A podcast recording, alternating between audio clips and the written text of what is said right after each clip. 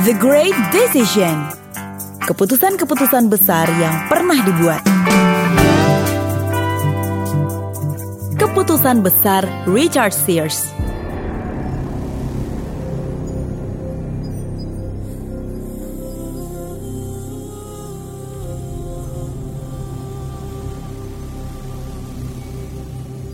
Ada suatu masa di mana pasar masih belum ditemukan dan tertutup.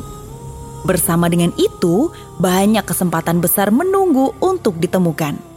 Mereka yang beruntung bisa menemukannya sering merubah secara keseluruhan wajah industri. Salah satu contohnya adalah ketika Richard Sears menemukan masyarakat pertanian di pedesaan yang terisolasi di Amerika.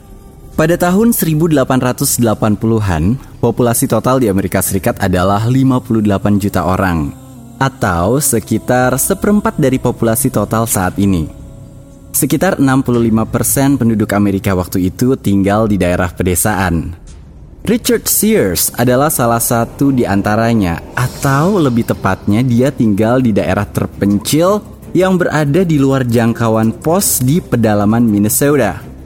Sears bekerja di agen kereta api jurusan Minneapolis dan St. Louis.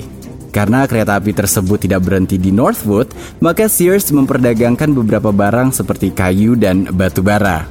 Sementara, barang lain yang diminati oleh penduduk Northwood adalah jam tangan.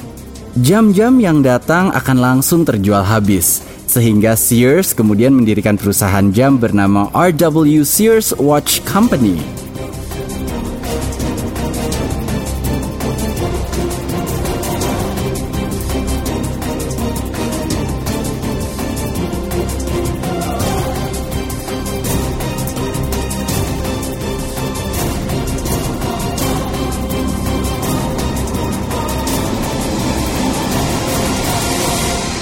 Richard Sears kemudian pindah ke Chicago dan merekrut Alfred C. Roebuck untuk membantu bisnisnya. Pada tahun 1893, berdirilah sebuah perusahaan bernama Sears Roebuck and Company yang bukan lagi hanya menjual jam, tetapi juga perhiasan. Perusahaan ini juga berubah menjadi perusahaan yang melayani pesanan melalui surat. Untuk itu, Sears Roebuck and Company menerbitkan sebuah katalog setebal 32 halaman yang empat tahun kemudian telah bertambah tebal halamannya menjadi 532.